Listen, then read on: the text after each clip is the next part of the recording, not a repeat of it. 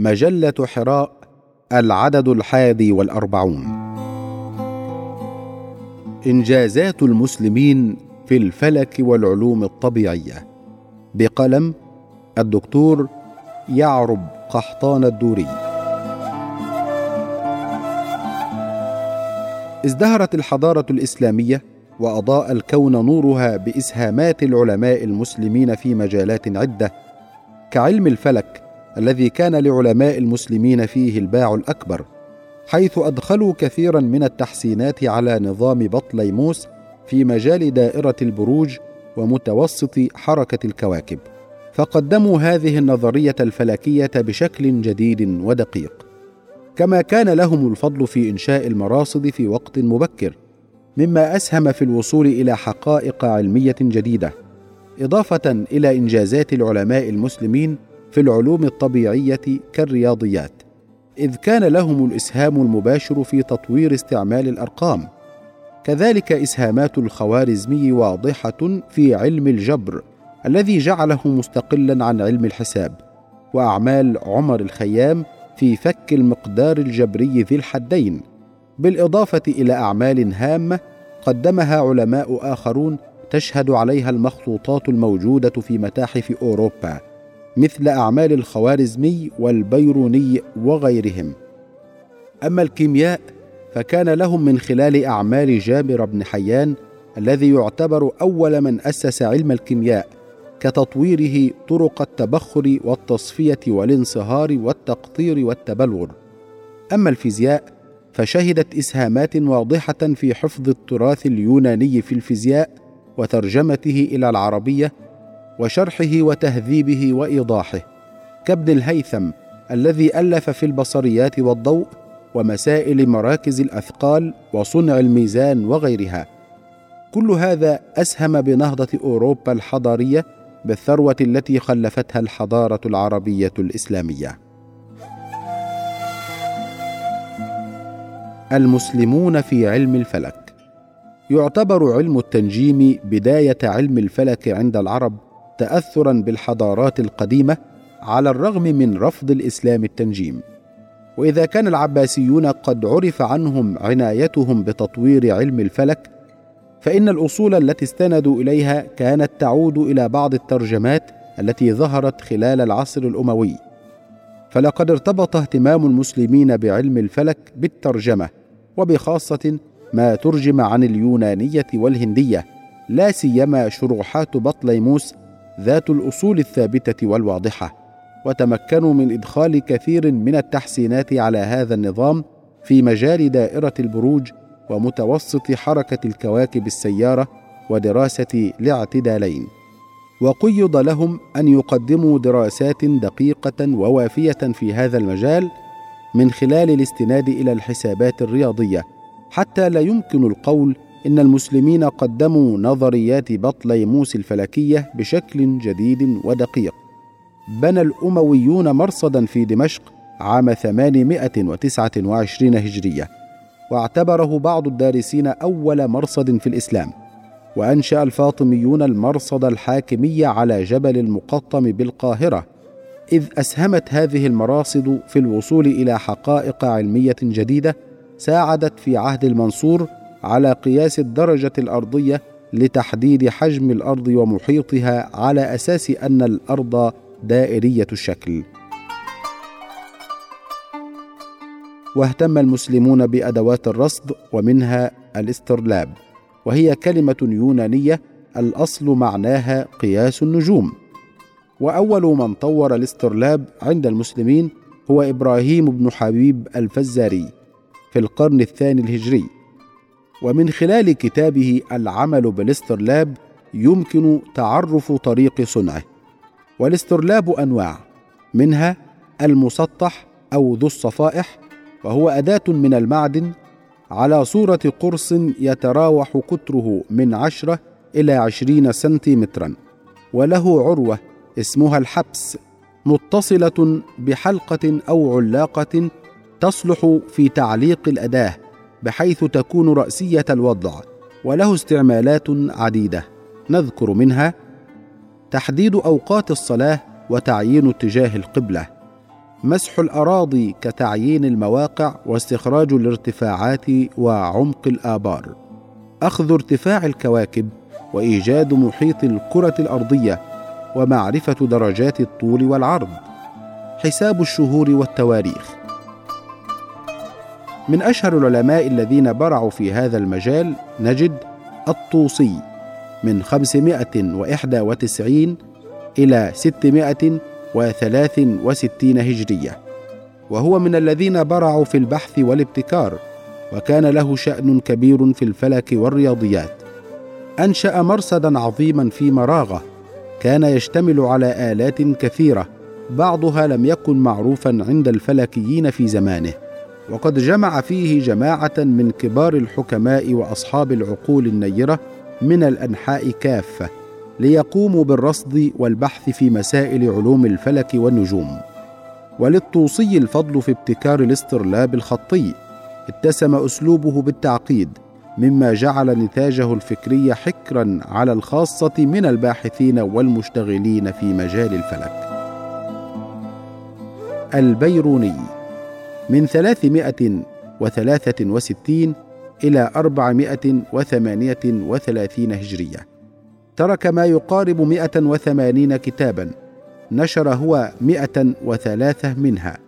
أما الباقي فنشره أصدقاؤه بعد وفاته. وقد شملت مؤلفاته حقول التاريخ والجغرافيا والطب والصيدلة والكيمياء والفلسفة والرياضيات والفيزياء وعلوم في الظواهر الجوية والآلات العلمية والمذنبات. من مؤلفاته كتاب التفهيم لأوائل صناعة التنجيم وكتاب التطبيق إلى تحقيق حركة الشمس وكتاب رؤية الأهلة وكتاب التطبيق إلى تحقيق منار القمر وكتاب العمل بالإسترلاب. اجتهد علماء المسلمين من خلال البحث والتجربة والانفتاح على معارف الحضارات الأخرى كالفرس والهند واليونان في إثراء ما تحويه هذه العلوم من نظريات واكتشافات وقوانين عديدة. واحد الرياضيات. كان للعلماء المسلمين الإسهام المباشر في مجال الرياضيات بتطوير استعمال الأرقام حيث تم استخدامها الأول في الأقطار المشرقية وصار يطلق عليها الأرقام الهندية. بينما عرفت الأرقام الغبريه في أقطار المغرب العربي والأندلس. ويعود الفضل الأول إلى العرب في نقل الأرقام الغبارية إلى أوروبا عن طريق انتقال طلبة العلم إلى الأندلس. حتى صارت تعرف في أوروبا بالأرقام العربية. ومن المتعارف عليه عند أهل الرياضيات دور قيمة الصفر في تسهيل العمليات الحسابية بعد أن كان يعد فراغا حسابيا عند الهنود. لكن العرب بشكل علمي استنبطوا البديل المناسب الذي أضحى استخدامه واسع الآفاق. ومنهم العالم الفذ محمد بن موسى الخوارزمي واضع أصول علم الجبر الذي جعله مستقلا عن الحساب. ومن إسهاماته هو أول من استعمل كلمة الجبر للعلم المعروف بهذا الاسم وعنه أخذ الأوروبيون هذه الكلمة الجبرا تقسيم الأعداد إلى ثلاثة أنواع جذر أي سين ومآل الجذر أي سين مربع ومفرد وهو الخلي من سين. تقسيم المعادلات على أشكال وأنواع ستة وتوضيح حلولها. فقد عرف حلول معادلات الدرجة الأولى والدرجة الثانية المستخدمة الآن. تبيان كيفية ضرب الجذور بعضها في بعض منفردة أو مع عدد آخر. البرهنة على نظرية فيثاغورس حول المثلث القائم. وقد تعددت اهتمامات المعرفة لدى العلماء المسلمين. ومن أهم ما قدموه إنهاء العالم أبو كامل شجاع الذي عاش في القرن التاسع الميلادي العمل الذي بدأه ديوفانتوس في مجال المعادلات ذات المجهولات الخمسة. نجاح عمر الخيام في فك المقدار الجبري ذي الحدين المرفوع إلى ألف سين اثنان أو ثلاثة أو أربع أو أو نون كما حل كثيرا من المعادلات ذات الدرجة الثانية التي هي على صيغة ألف س اثنان زائد باء س يساوي هاء تسهيل العمليات الرياضية التي مهدت لظهور اللوغاريتم من طرف العالم ابن حمزة المغربي رغم ادعاء مؤرخي العلوم في الغرب بأن هذا الاكتشاف يعود إلى العالم الرياضي نابيير. اثنان الكيمياء يعود الفضل إلى العلماء المسلمين في تنظيم أبحاث الكيمياء ونقلها من التنظير إلى التجريب وإبعادها عن دائرة السحر والشعوذة بفعل جملة من التفاعلات الكيميائية مثل التقطير والتصعيد والتذويب. إن الدراسات المكثفة التي أجراها العلماء المسلمون جعلتهم يعمدون إلى تقسيم المواد إلى أربعة أقسام رئيسية المعدنية والنباتية والحيوانية والمشتقة.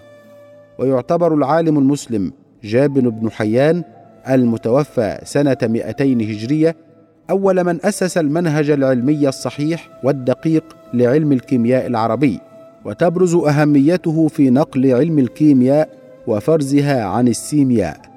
ومن أهم أعمال جابر بن حيان في مجال الكيمياء نجد تحضير مركبات حامض الكبريتيك من الزاج الأزرق ودعاه بزيت الزاج. اكتشاف الصودا الكاوية وتحضير حامض النيتريك والهيدروكلوريك. إدخال تحسينات على طرق التبخير والتصفية والانصهار والتقطير والتبلور كما جاء في كتابه الخواص الكبير في ستة أجزاء. كما يعد خالد بن يزيد بن معاوية المتوفى خمس وثمانين هجرية من أبرز البادئين في الاهتمام بعلم الكيمياء ويقال إنه أول من تكلم في صيغة الكيمياء لكن ليس بالشكل الحديث الذي تناوله جابر بن حيان. ثلاثة الفيزياء. إذا كان لعلماء اليونان الفضل الأول في وضع المبادئ الأولية لعلم الفيزياء فإن أبناء الحضارة الإسلامية كان لهم الفضل في ترجمته إلى العربية وشرحه وتهذيبه وإيضاحه. وكذلك أضافوا إليه زيادات هامة وابتكارات أصلية بمنهج علمي سليم. ويعترف ويدمان بهذه الحقيقة التاريخية الناصعة فيقول إن العرب أخذوا بعض النظريات عن اليونان وفهموها جيدا وطبقوها على حالات كثيرة مختلفة. ثم أنشأوا من ذلك نظريات جديدة وبحوثا مبتكرة فهم بذلك قد أسدوا إلى العلم خدمات لا تقل عن الخدمات التي أتت من مجهودات نيوتن وفاراداي ورونتجن وغيرهم.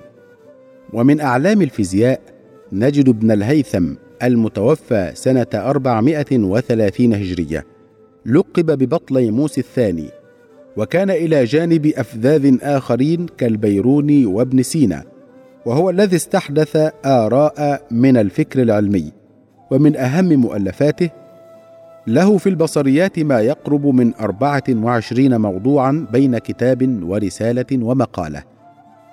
كتاب المناظر الذي يتضمن آراء مبتكرة جزئية في علم الضوء وهو في سبعة أجزاء.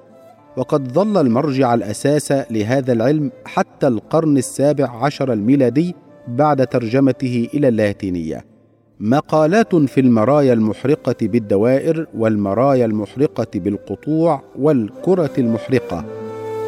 أربعة توزيع العلماء المسلمين في التخصصات العلمية. من خلال إحصائية واضحة استطعنا معرفة عدد العلماء المسلمين نسبيا في الفلك والعلوم الطبيعية للفترة بين القرنين الأول والتاسع الهجريين كما هو مبين في المخطط. ونستدل بذلك على كثرة الفلكيين والرياضيين المسلمين في الحضارة الإسلامية العربية. وهذا يدل على استمرار هذين العلمين وتطورهما.